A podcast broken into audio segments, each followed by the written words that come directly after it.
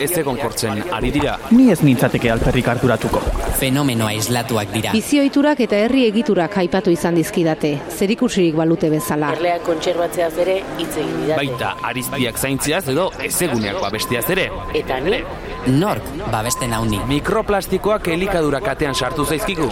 Ezer ez da perfektua. Bioanistasuna galtzeak atzera bueltarik gabeko ondorioak izan ditzake. Lasaitu zaitez, ez da inbesterako izango. energia erabilerari eta garraioari loturiko isuriak izugarriak dira.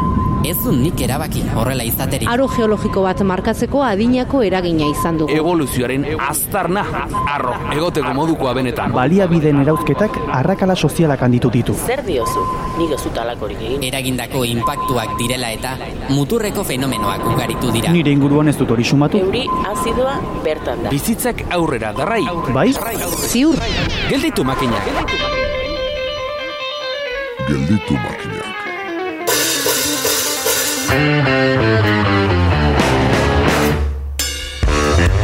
Energia ez da galtzen edo sortzen, transformatu egiten da.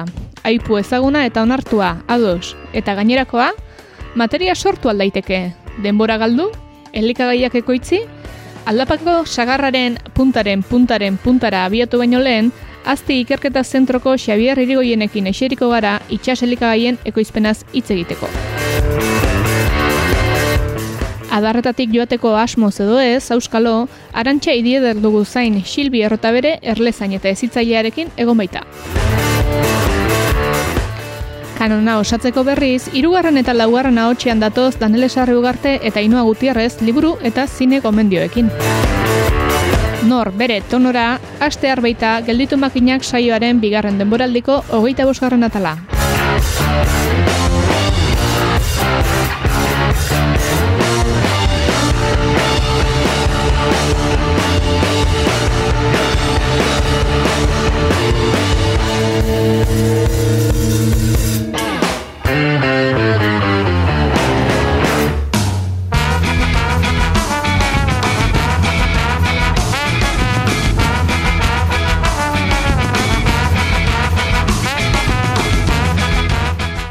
Portura joan da, kaioen garrasi artean ez dugu sarlinerarik aurkituko sarlina freskue kantari.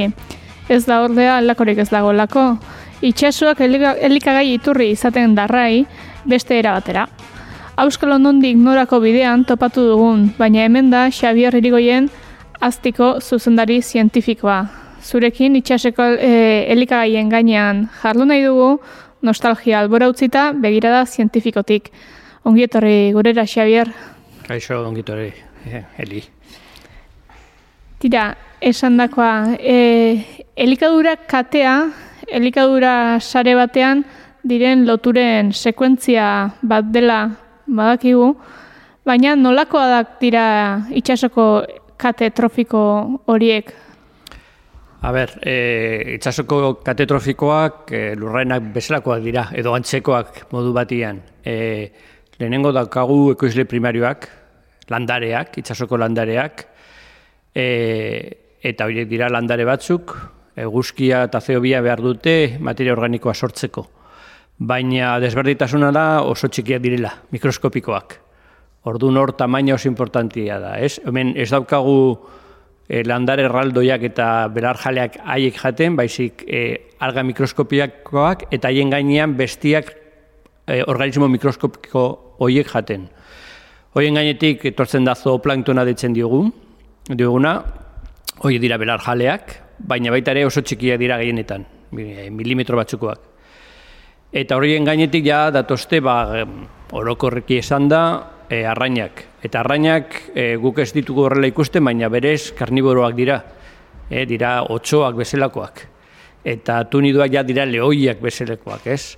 Orduan bere ala joaten gera oso, oso gora eta ja ez dakit, marrasoak eta antzekoak pues, e, lurran ez dauden superpredadoreak dira. Eh?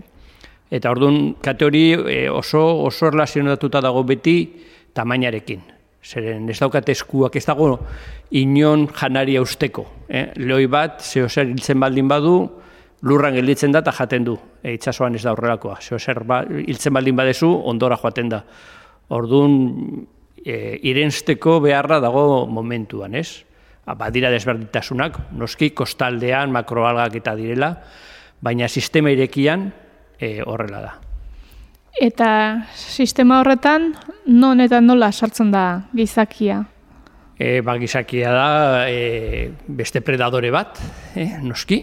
E, alde batetik da beste predadore bat. E, eta sartzen gera gutxi gora bera, ba, hori, e, izurdeen, marrasoen, e, nivelean, superpredadore bat bezala. Gero bestaldetik baita badukagu beste impacto batzuk, ez? Noski baita sartzen ditugu nutrienteak, ze guk egiten dugu nekazaritzarekin eta eta gure aktibidadeekin e, lurraldean gero ibaiak eramaten dituzten nutrienteak, ordun hori landarentzat ona da, edo baina, gero baita e, arazoak sortu daitezke gehiagi baldin badira, eta gero baukagu beste kontaminante batzuk, e, ba, onak ez direnak e, e, sistemaren zat, ez, Eko, ekosistemaren zat. Itxas elikagaiei daukionez, e, zein dira bide nagusiak horiek lortzeko? Bueno, berez e, bi, bi bide daude e, daukagu arrantza, e, eta e, badaukagu baita ere akuikultura. Eta berez, e, esan dezagun, arrantza gora eta gora joan dela e, larogeita marreko marka darte, eta gerostik ja establea da, ez da, ez da gehiago arrantzatzen, ez da kantidade handiagorik arrantzatzen, Eta bestalde, akuikultura gora eta gora dijoa, azken urteetan, eta orain iaia arrantzaren kopuru beze aintzekoa lortzen dugu akuikulturatik e, eta arrantza bezalakoa. Segurazki, ez dakit, eguneko iruro gehi arrantzatik, eguneko berro akuikulturatik. Nola eta zergatik aldatu da itxasoko elikagaiak eskuratzeko modua adibidez eh, arrantzan, espeziak aldatuko ziren, teknika aldatuko ziren, zeren eraginez izan da hori? Bueno, gero efizienteagoak egin gera.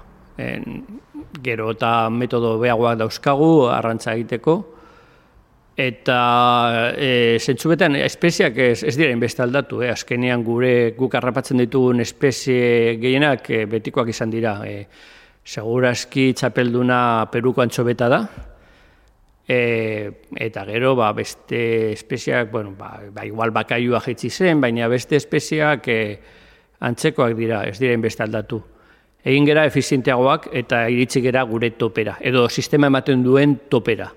E, arrantzatu dezakegu modu efizienteagoetan, eta igual adibidez CO2 gutxiago izurtzen, e, ba, baldin badakigu arrantzan ondagoen, e, barku efizienteagoak egiten, baina ez dugu gehiago arrantzatuko. E, hori baita ere, pues, modu batean e, ondo dago, ez? E, ba, ikasi dugun ondagoen topea, eta gestioa gero eta obera, hobetu egiten da. E, eta orduan e, baita ere, balen e, sobreesplotatutak zeuden estok asko, ja orain baita ere, ba, oreka batera bultatzen ari dira. E, batez ere, bueno, igual Europan eta herri aurreratuetan batez ere. Baina gutxi gobra bera, hasi gera bide bat, e, bultatzeko e, sobreesplotazioa gelditzeko arrantzan, eta gestio behagoa egiten ari gera. Arrantzatik elikadurara igarota pixka bat, e, oroar elikadura arloan, gaur egun ditun erronkak ez dira makalak, hain justu ere, bueno, elikagai eskasia e, hor dago, e, sobira utzarako bideak baditu bere argi ilunak, balia bideak eta erauzketa erritmuak sarretan ez datoz bat, kalitatea ere hor dago, itxas elikagaiak nola kokatzen dira afera, afera honetan? Bueno, hasi gaitezen, e, e, itxaselika gaien paperen gandik, ez? E, gu jaten ditugun e, animali proteinen gandik, normalean, bueno, guk, e, gizakia a, jaten duen animali proteinen aldetik, arrantza, bueno, arrantza arraia edo itxas e, likagaiak euneko amazazpin guru dira. Eta protein guztien artean, ba, landariak eta ere e, kontuan hartutak, euneko zazpila. Orduan, ez dirudia inbeste. Baina itxaselikagaiak berez oso oso importanteak dira e, gizakiaren txat. E, e, jaten dugun e, omega iruren euneko larogia e, itxasotik dator. Eta badakit eh, jende gehiena ba, petzatzen duela omega iru famatua pues, dela pixka e, ez dakit, e, propaganda bezalakoa, o zeona honentzat, zeona bestearen txat. Baina begerez, e, omega iru hori e, lipido asko daude hor barrenean, eta horietako pare bat e, guretzat behar beharrezkoak dira. E, gure, gure garunaren txat, gure sistema nerviosaren txat, lipido horiek behar beharrezkoak dira. Beraien horien gabe ezin gera funtzionatu. Gure, edo gure garuna ez du funtzionatzen. Eh? Izango gerean askoz tontu hauak. Orduan, e, behar beharrezkoak ditugu, lortzeko beste moduak dira, pues, igual, animalien gantzak, bat ere zere garuna dutuetanoa, edo landario oleaginosoak, e, ditzen ditugunak, baina horiek ez dituzte konpuesto horiek, bakarri dituzte e, beraien prekurtsoreak. Eta orduan askoz inefizientiagoak gera, prekurtsore horiek hartzen, eta omega hori, e, omega iru hori lortzen. Orduan, e, gizakiaren txat, euneko larogei hori oso importantia da, eta modu batean e, mantendu behar dugu, ez? Hortu behar dugu mantentzen. Gero bestalde, ba, bai, egila da, e, asko hitz egiten dela elikadurari buruz, e, ez dagoela janaria, bai dagoela, eta hor ni uste dut, e, argita garbi, banandu behar degula, e, geure arazoak, herria beratzak bezala, eta herri pobreen e, arazoak, oso desberdinak direlako. E, e, batez ere esan dezagun. Beti esaten da, bueno, mendik berreun, ez dakit, pimia berrogeita marrera edo izango gerala maika mila milioi, eta ez dago la janaririk, etc. Bueno, hemen Europan ez gera izango e, gehiago, gutxigo izango gera. E, hori badakigu gure populazioa beruntzutik joala. E, gehiago izango dira, batez ere Afrikan dela, izaten direla herri pobreak, eta beraien arazoak desberdinak dira. Orduan, e, elikaduraren arazoa lau ataletan e, baratu dezakegu. E, elikagaia, bueno, janaria, e, ekoiztea edo izatea. Eta hori da arazo bat, batez ere, uraren arazo bat. Ure izango bagenu, ure estatzeko mm, ekoiztu dezakegu nahi deguna. Baina hori ez du arazoa konpontzen. Hm? E, urrengo arazoa eta oso importantia batez ere, hori Afrikaren txat edo herri txat, da e, elikadura edo elikagaioiek e, eskuratzea. Orain badaukagu janari nahikoa planetan, baina ez da guztitara iristen. Orduan, e, janari hori eskuratzea da diruaren arazo bat. Gu baditugu gure supermerkatuak eta joaten gera erosten duguna edeguna, baina herri pobretan hori ez da horrela, ez dago janari hori. Naiz eta planetan egon, beraien aurrean ez dugu, eta ezin dute eskuratu. Gero dago, daude beste arazo batzuk, ja beste nivel batzutan, bata da nutrizioa, e, badira eta baita ere herria beratzetan gertatzen da, e, jendiak kalori nahikoak e, lortzen dituztenak, baina ez behar dituzten mikronutrienteak. Eta adibidez omega iruren arazoa horrela esaten da, bada jendia jandezakena eta hori gertatzen da Europan eta estatu batuetan eta toki guztietan, jaten, du, de, jaten dutenak kalori nahikoak, eta, eta lodiak daudela, baina bere haien elikadura ez da ona, ez dute lortzen behar dituzten e, mikronutriente horiek. Eta azkenik oso importantia dena baita ere da estabilidadea. Eta e, produkzio hori jasangarria izatea. E, hori baita gu konpontzen dugu diruarekin. E, nahikoa ez dugu nahian ekoizten, e, erosten ditugu beste, gune, beste toki batzutan. Baina hori herri pobretan ez, ez da horrela. E, behar dute estabilidade bat, jasangarritasun bat sisteman, ekosisteman, e, produkzioa mantentzeko. Ez izateko gora berak, non urte batzuk e, e, usta ona da, eta badaukate janaria, eta gero ez dago janari nahikori populazio horrentzat. Eta horiek dira e, arazoak, baina esan dezugun bezala, arazoak ez dira berdinak aberatzen zat, eta ez dira eta pobreen zat. Eta arazo horien aurrean, e, itxaselika gaiek ze aukera eskine itzazkate? Bueno, ni uste dut, e, itxaselika gaiek e, jokatu ezaketela paper e, oso oso importante bat. Baina kontu zibili behar gera horretan baita, ez? E, esaten ari gera asko e, akuikultura, e, paper oso importante bat jolaz dezakela e, hori janaria produzitzen edo ikosten e, denentzat. Baina baita hor, e, akuikulturan badira bi akuikultura desberdinak. Eta kontuan izan behar dugu. Eta hori lehen hitz dugu katetrofikoarekin e, lotuta dago. Ez? E, ekoizten baldin baditugu e, arrai e, karniboroak, e, salmoia adibidez, e, behar dugu haiei janari eman. Orain e, ematen diogun pientsoak, pientsoiek sortzeko, e, erabiltzen ari gera beste arrai batzuk, peruko antxobeta, eta nastuta e, e, landareekin, soiarekin.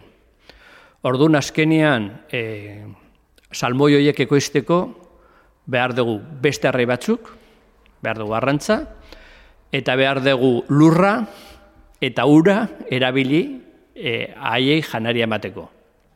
Orduan, e, dira, esan dezagun, negozioan bat, produzio bat, eta, eta, eta ez dut kritikatutuko, baina, zeren, haber, azkenia jendia bizi da horretaz, eta oso, eta bere soinarrian janarion bat da, baina horrekin ez dugu e, esango planetaren edo gizakiaren arazoak konponduko.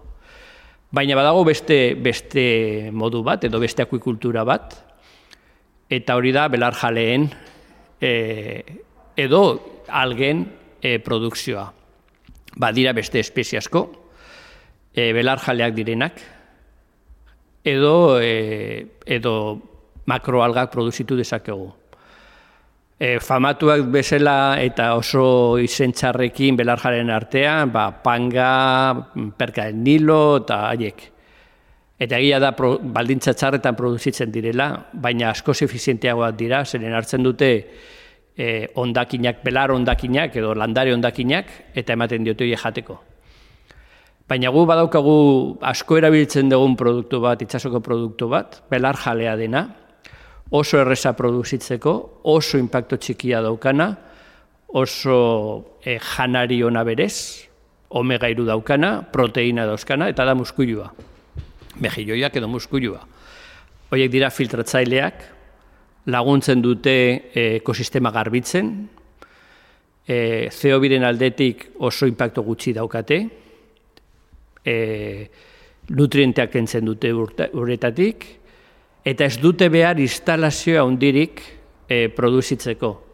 Eta zentzu horretan interesgarriak dira, zeren hemen produzitu ditzakegu, ekoiztu ditzakegu, baina baita ere herri pobreetan. Zeren ez dute behar kriston instalazioak edo, edo ez dakit, ez, infrastrukturak, ez? Erresa da jartzea hor sistema batzuk, non lotzen dira, sokak edo, edo gurrak edo, hor lotzen direla, eta hor hasten dira eta zentzu horretan oso nire ustez e, ba, e, aukera ona dira.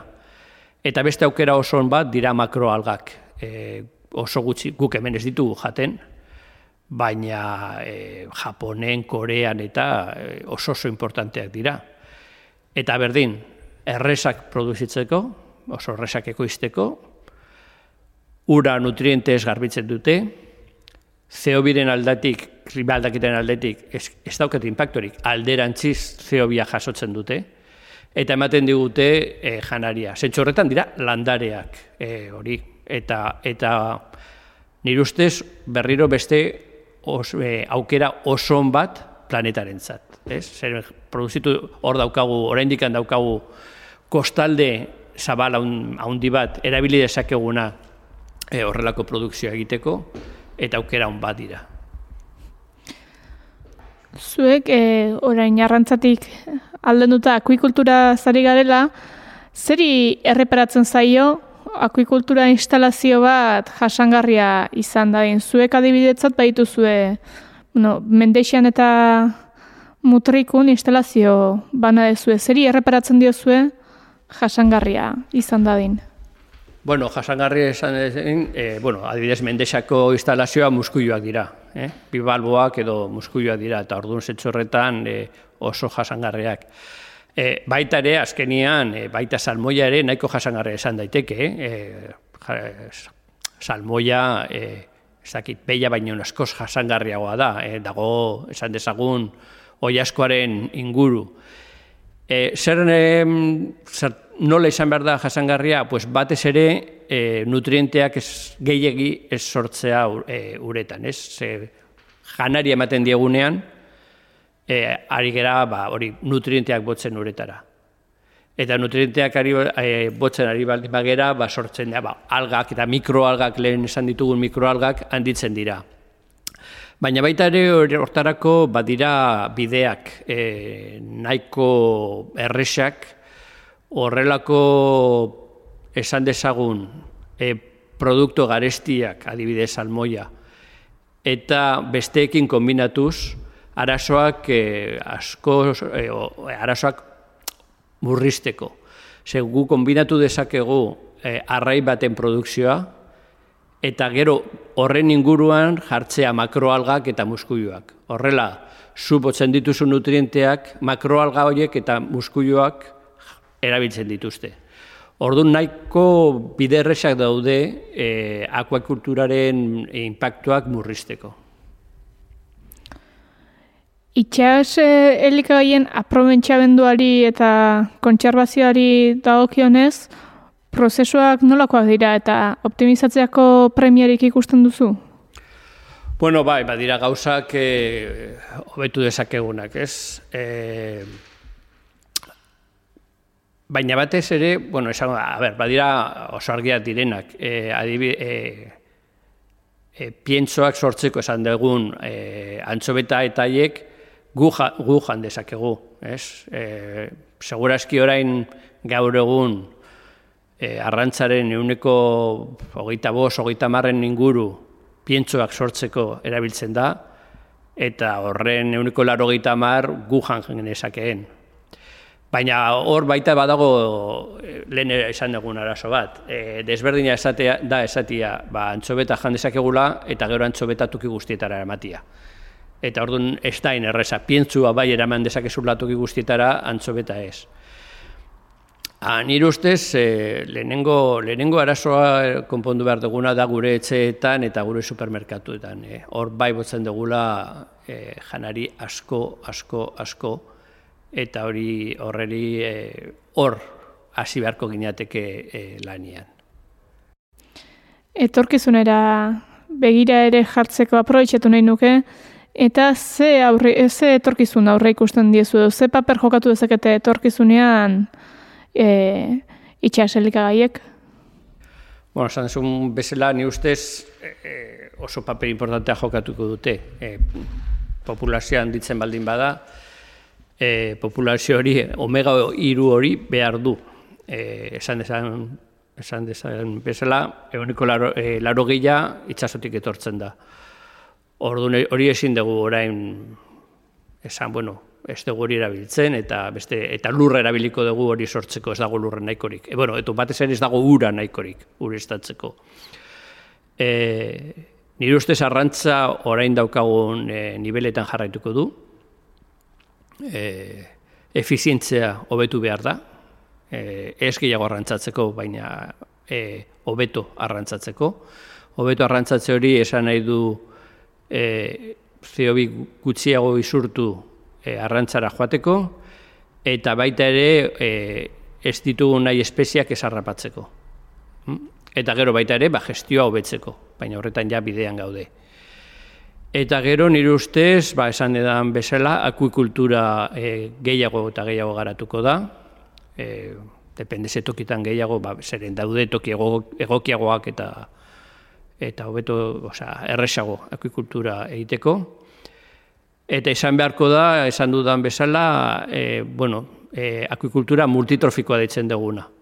Non nazten dugu e, arrai garesti batzuk, beste espezie batzuekin izango direnak, bibalboak, e, muskuluak edo antzekoak, eta makroalgak.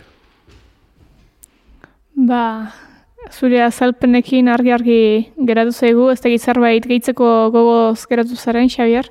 Ez. Eh. ba, horrela bada, honekin utziko du. Mila esker gurean izateagatik, gertuago jartzeagatik akuikultura eta arrantzaren mundua, eta horrengor artea, gortuko zaitugu. Ba, eskerrik asko zuei. Gelditu makinak.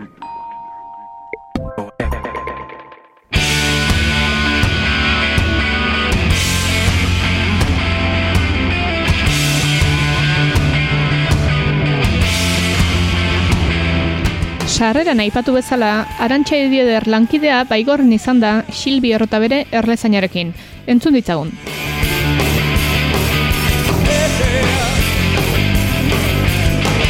Uh, ni Silbi errota bere niz, baigorrin uh, bizi niz, eta baigorrin niz uh, erlezain. Uh, Hortikar parte uh, nire senajarekin badugu etxalde bat, ardi askuntza bat badugu eta etxalde tipi batean uh, bizigira mendiana, iparlako azpian. Eta horrez gain zu lanbidez ere uh, ezitzaile zira. Bai, denbora erdiz, ezitzaileeniz uh, baionako elkarte batekin. Arduratzen gira, kostaldean diren, etorkinen errezibitziat eta barnek alderat uh, biziaraztea. Uh, sartu haintzin uh, galdera hortan, menan uh, pentsatzunt hortik doala ere, uh, uh, zergatik uh, erle zaintzaren uh, gogo edo dite hori, uh, familia laborantza etxekoa baitzinuan ere, uh, laborantza mundu hortan handitu, eta bazinuen oinarri bat? Egia erran, uh, erle zaintza uh, tipitik ezagutzen dut, zentan eraitatxik bazituen erleak. Eta pentsu dut gustu hori hortik aldu zautala. Ez dakit odolean ukan dutan gustu hori, baina uh, menberantarekin dintzaute, erleekin lan egiteko emaia hori. Pentsatzen dut nire uh, aitatxiri zordutala. Zergatik, zor? Ez baitut uh, txipianintzan ikusten nilaik erlekin uh, lanean aizelaik, baina uh, ez dut behin tezpadan ez behine berarekin joan uh, bere ikusterat, ba, txipianintzan, uh, niz baitez bada egialki interesatu gaiari. Ola, berantaikin uh, behoi urte pastutan iz gaiari interesatu. Eta ze ikusten zinuen zure tipitako begiekin justuki uh, aitatxi erleekin ari zelarik? Enetako misterio handi batzen. Zenta egia da, uh, erlen mundua biziki uh, interesgarria eta abedatsa dela, eta misterio hainitz uh, badela horren ingurian, egia da, erlen mundu ezagutzeko ez da bate eges, komplikatua da. Eta naiz uh, liburiak uh, uh, irakurri, behar da ikusi ongi ulertzeko nola, nola pasatzen den uh, erlauntza baten bizia. Zer da erle baten mundua, azkenean erle, erleen mundua misteriotsua da eta niretzat bai ala da, e, nola ulertzen da erleen mundu hori? Uh, lehenik behar da ulertu erlautza baten mundua biziki antolatua dela. Uh, irumotako erleak um, bat dira, bahnean, bada erregin bat, iru urtez bizitzen aldena, bere funkzioa da populazioaren uh, erre eta sasoin betian adibidez uh, bi mila aholze egon guziz egoizten alditu. Hori da uh, erlauntzaren uh, garantzitsuena edo erlauntzaren motorea. Eta bere ondoan baditu erle mandoak, erle ahak, eta maiatzetik agorrilarte sortzen dira, eta eien funkzioa da erle emeak ernaltzen dituzte. Eta agoriletik goiti, uh, kanporat botatzen dira, eta erlek spedituzte gehiago horien beharrik eta gero badira erle langireak, eta hor ere biziki uh, beren bizia uh, antolatua da, uh, beren funkzioa da loren nek eta loren nektarea, polena eta ura bilatzen dute. Beren adinaren arabera funkzio bat bat dute, lehen iruegunetan beren galekin aiziak egiten dute umidadeak entzeko, iru eta amak egunen artean amaino dira, du aholtzeak bazkatzen dituztela, gero eskoarekin kuadroen zelulak erekitzen dituzte, gero zaindari, eta azkenik be polena eta nektarea biltzen dituzte. Eta zinez uh, hor uh, ikusten duzu uh, beren bizi astapenetik dena antolatua da. Neohak ez daki xuxean nola uh, etapatik besterat adibidez erle langileak pasatzen diren, baina hola da biziki ongi antolatu da. Beraz, hoien uh, jolak, jolak ahunt banatuak dituzte? Bakotsak badu bere funkzioa eta sasoin, uh, sasoinean bere ejola eta bere funkzioak betetzen dituzte. Ola entzuten badu, egan nahi du ez dutela zure beharrik, uh, dibidez, uh, Silbi, bakarrik funtzionatzen alute ez?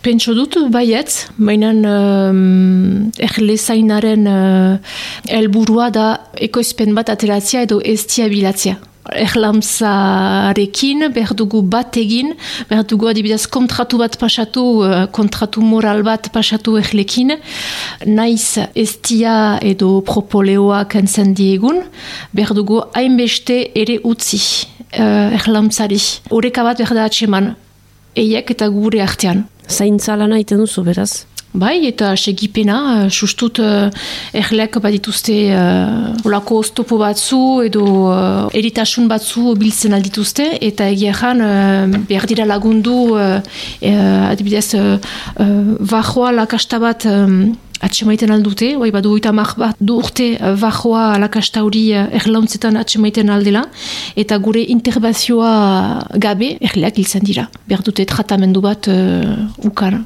Eta nola ikusten duzu lakasta dutela, zenta egia ikusten duzu, nola diren erleak, eh, zer eritasun duten, zer behar duten, komunikazioa azkenean erleekin nola egiten duzuzuk? Komunikazioa, eh, nahi du, eh, be, erlauntza bati buruz eh, joiten girelarik, eh, berdalenik eh, ongi torria egin edo koda bat zuen bidez eh, berda ebisatu erleak aldu girela, beraz hausko bat eh, baliatzen dugu.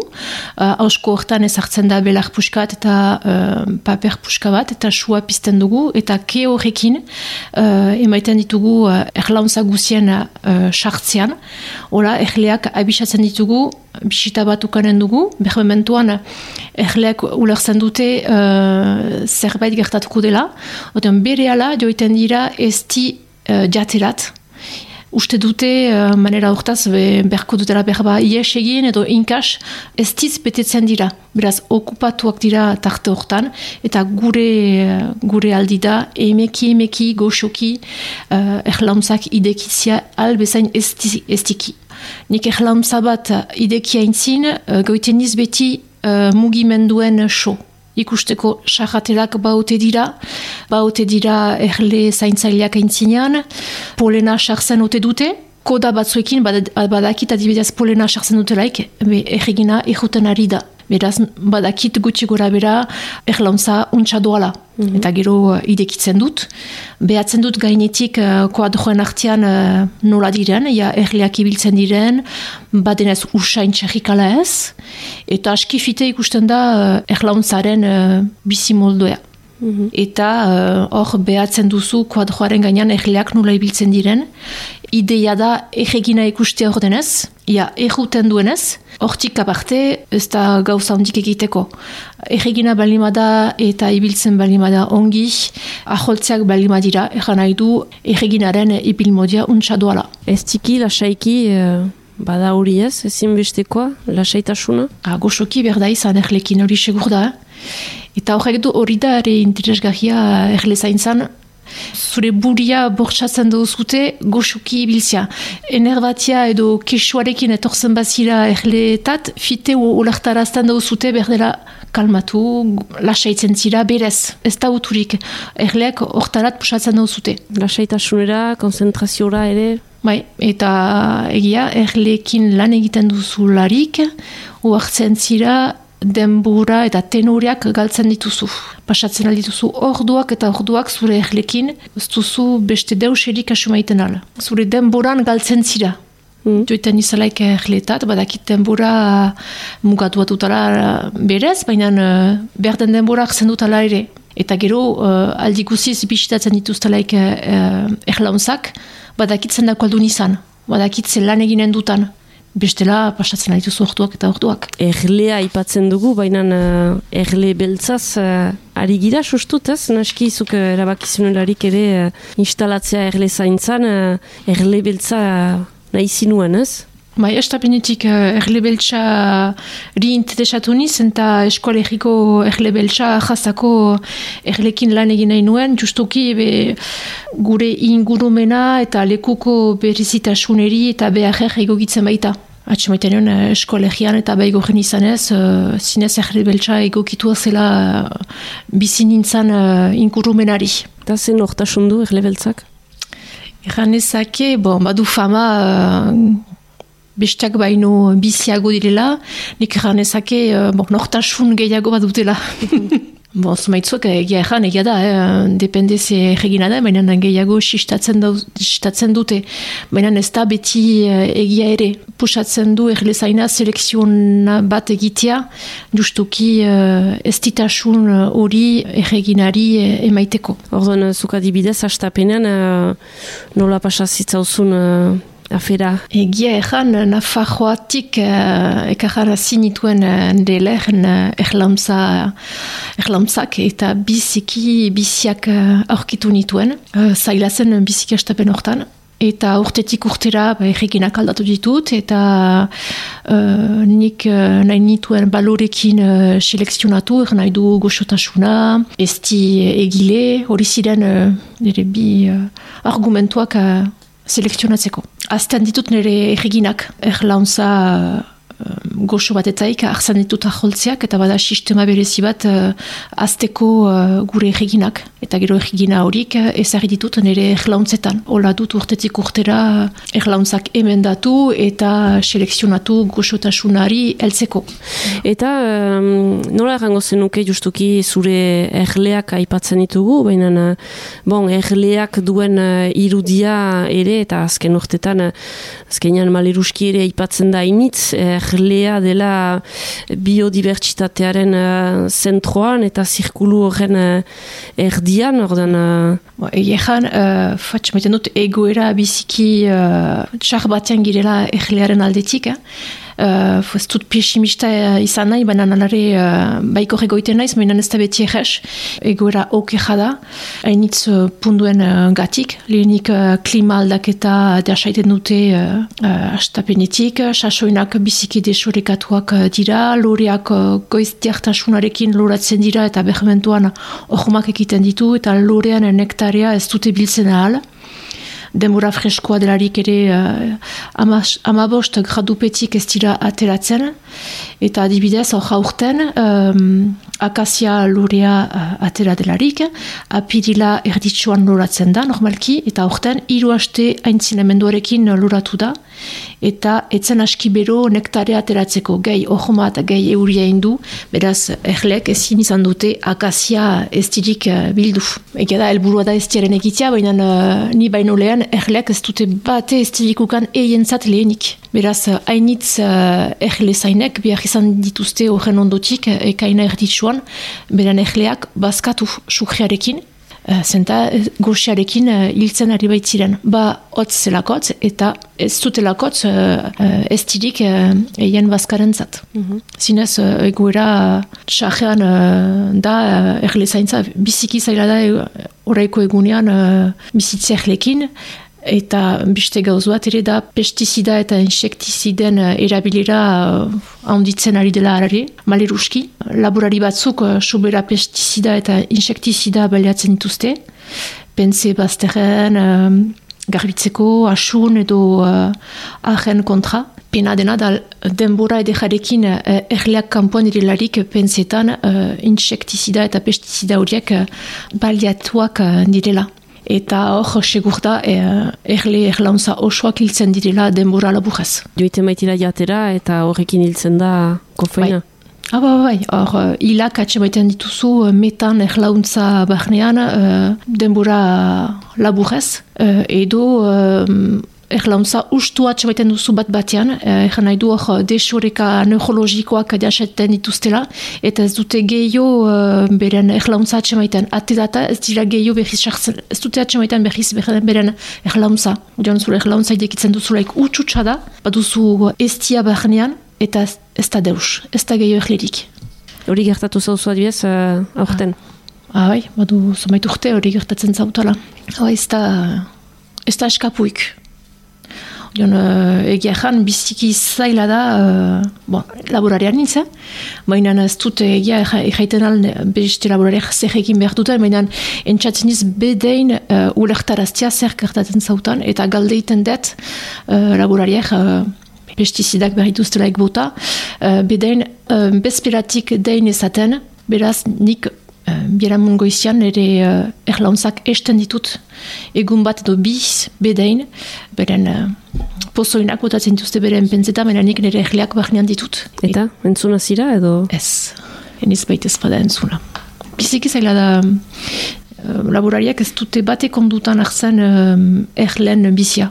Ez dute lakotz uh, ezagutzen pentsatzen dute? Ez da logika eskaz bat ala ere uh, laborari izankita azkenean uh, erlearen jola ezinbestikoa delarik ere naturaren biziaren zat, biodibertsitatea ipatzen nuen, eta zirkulu hori, eh, azkenean bai. erleak ekartzen duenarena, eta erlerik gabe azkenean ere dena...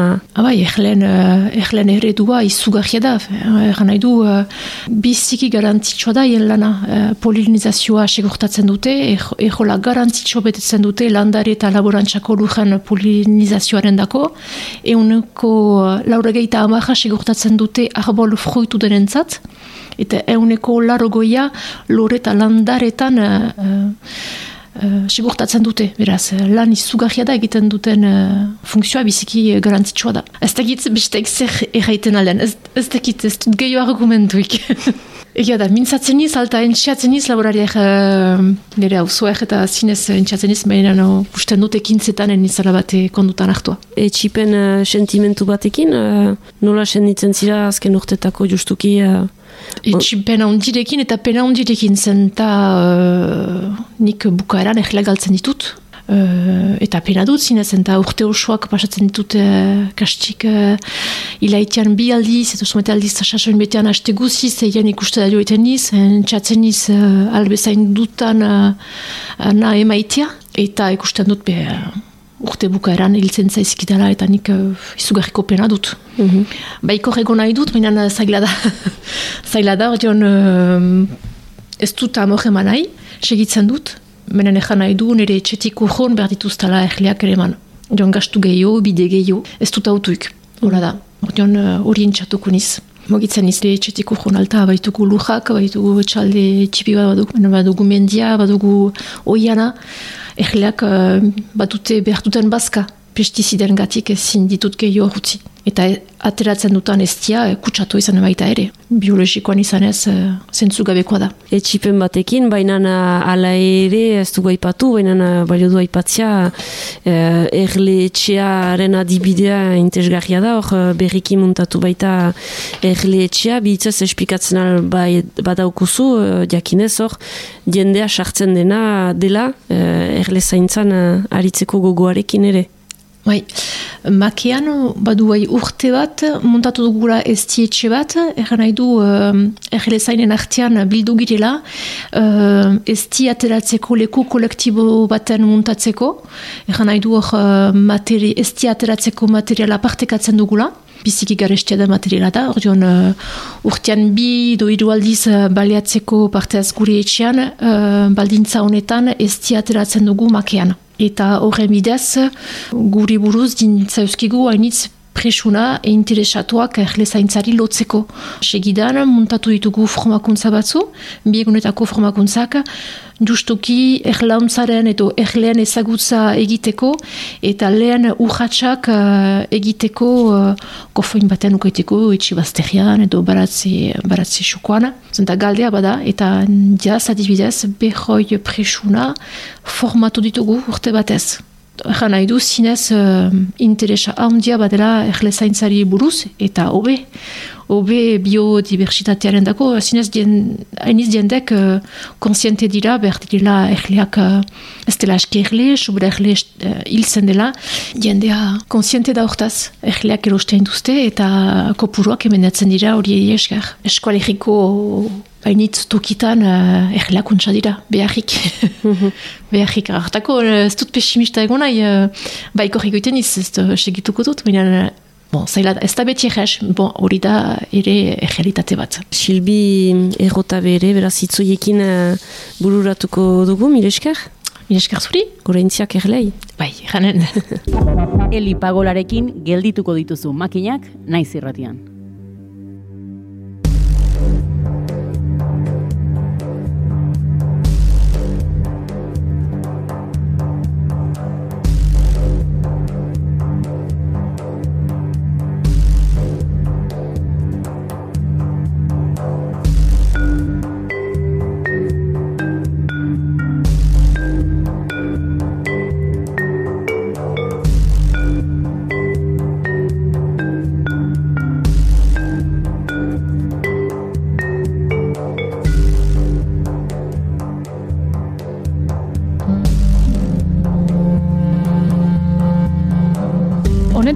Ezkero, badakizue pasuan hori emateko gogotsu gauden. Honetara ezkero, aurkezpenik ere ez du beharria. Honetara ezkero, hau sortea gurea danele. Kaixo, mi eskereli. Gaur ere, txukun txukun prestatu diguzu literatura gomendioa. Zerekin harrituko gaituzu? Ba, gaur liburu potolo bat ekarri dut, jakin dezazuen, eta e, baina oso interesgarria, eta oso gai zehatz bati edo heltzen diona, nik uste dut gure garairako oso importantea, eta nin neu e, deixentek eskatzen hauena. Liburuaren izen burua da, e, zelatatze kapitalismoaren aroa. Hori da, Euskarara itzuli dut nik, e, inglesez dago jatorriz, e, The Age of Surveillance Capitalism, baina, bueno, gaztelerara eta frantsesera bietara itzulita dago, beraz, e, gure entzulek, inglesez badute irakurri nahi, ba, beste bizkuntzaketan irakurtzeko aukera badute. Autorea Shoshana Zuboff da, eta interneteko enpresa e, handi eta berri, bueno, berri azkenengo goi urteotako hoien logika azaltzen du ba, Google, Apple, Microsoft, bueno, e, horrelako enpresen logika, eta batez ere niretzat oso interesgarri izan dena da, e, nolabait pribatutasunari buruzko hauziak direla uste dugu ez, e, gure datuak eta ematen ditugunean, ba, e, pribatutasunaren ikuspegitik edo datuen babesaren ikuspegitik erreparatzen diogu, eta hemen zubofek zehazten du benetan nondik atratzu duten dirua enpresa horiek, zegatikan e, den bere jentzatain errenta harria, eta e, planteatzen du nola, beste ikuspegi bat edo ulertu behar dugula benetan zer duten ze bestela ari gera aplikatzen e, enpresa hauei lehenagoko enpresei eskatuko geniek genizkieken moduko gauzak. Eta berak dio enpresa hauek benetan gauza berri bat e, e, ez dakit ekoitzi dutela edo edo enpresa modu berri bat sortu dutela. Eta berak horra ipatzen du badagoela gauza bat dela e, gainbalio jarreraren bai, gainbalio edo gure jarreren gainbalio orduan guri zerbitzuak eskaintzarekin batera guk ematen dizkiegun datu hoiekin guztiekin sortzen dute eskuratzen dute jarreraren gainbalio eta hori da e, aberazten dituena edo. Orduan labur esan da eta hori da ideietako bat ideia gehiago daude liburuan ze uste dut zortzireun bat horri edo direla Baina, bueno, oso beharrezko iruditzen zaitu horrelako, horrelako eztabidak e, piztea, kontua ez da Twitterren nago edo ez nago, da kuk, eta kukiak e, onartze dituan ez dituan onartzen, naiz eta hori ukatu alde guztietan ukatu kukiak, e, ba, bueno, gai horri buruz gehiago ikasteko bide bat da, eta niretzat izan da benetan begiak zabaldu bizkidan liburu bat. Mhm. Eskerrik asko da, nele, ez gara, alperrik galduko, eta mila eskertartea egiteagatik. Bai. Gelditu makinak, naiz irratian, Eli Pagorarekin. Zinea ez da entretenimendu soila. Zinea bada ausnarketarako tresna eta eraldaketarako gailu. Begi zorrotzak komeni, eta hori badu aldiro beso zabaldik hartzen dugun zinemagileak. Hau painoa. Kaixo, Eli. Ea, zein da gaur egin nahi diguzun gomendioa? Bueno, gaur e, klasiko bat ekarri dut, e, programara, Nanuk of the North, iparraleko nanuk, dela, bueno, zinema eskoletan lehenengo dokumentala ikusten dena edo klasikoena. E, Robert Flahertiren lana da, mila, oza, mila behatzireun da hogeita bikoa, eta hori, ba, pelikula mutua da, e, eta txuri beltzean filmatutakoa. Eta arduan Flahertik e, Kanadako inuiten bizitzan oinarritzen du pelikula.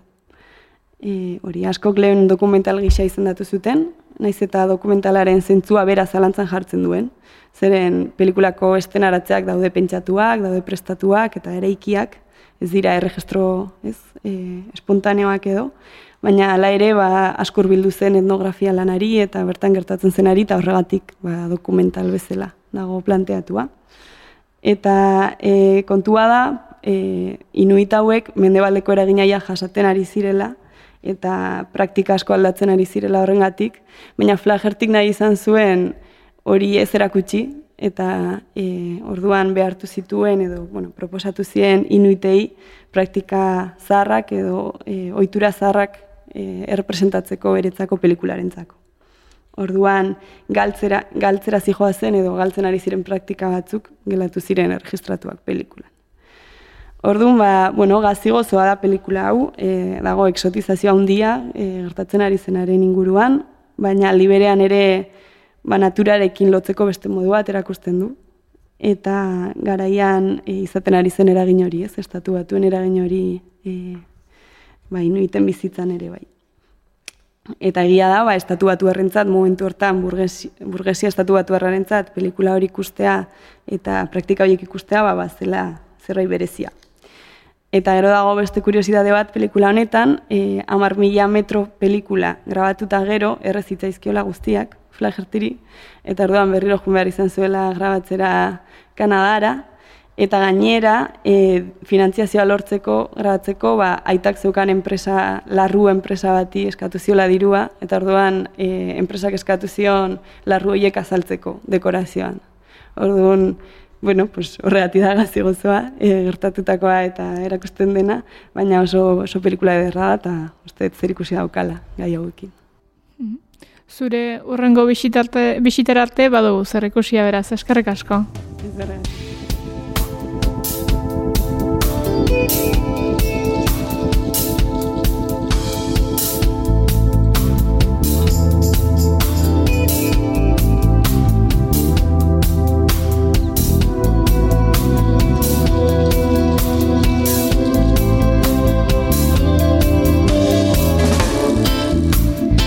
Aldapeko sagarraren adarraren puntaren puntako adarretik ikusten da badaudela adar gehiago.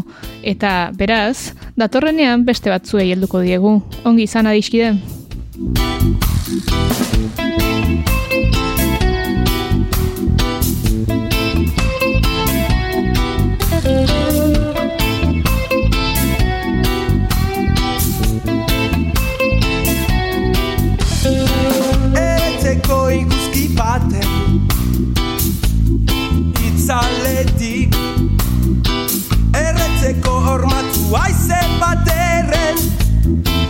Itzalerat Itzaletik itzalerat Beti itzaleko norbait izanen da Itzaletik itzalerat Beti itzaleko norbait izanen da Nola erran,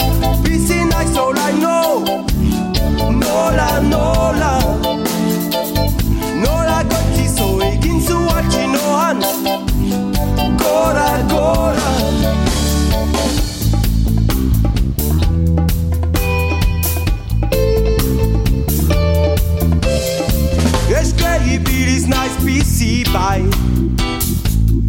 Egia da. Baina bekan sokaren zolatik jali. Amondioan Itzaletik itzalera. Beti itzaleko norbait izanen da. Itzaletik itzalera. Beti itzaleko norbait izanen da. Nola erran, bizi all I know Nola, nola. Nola kotizo egin zuak inoan Gora, gora Nola erran bizin daiz all I know no. Nola, nola. Nola kotizo egin zuak inoan Gora, gora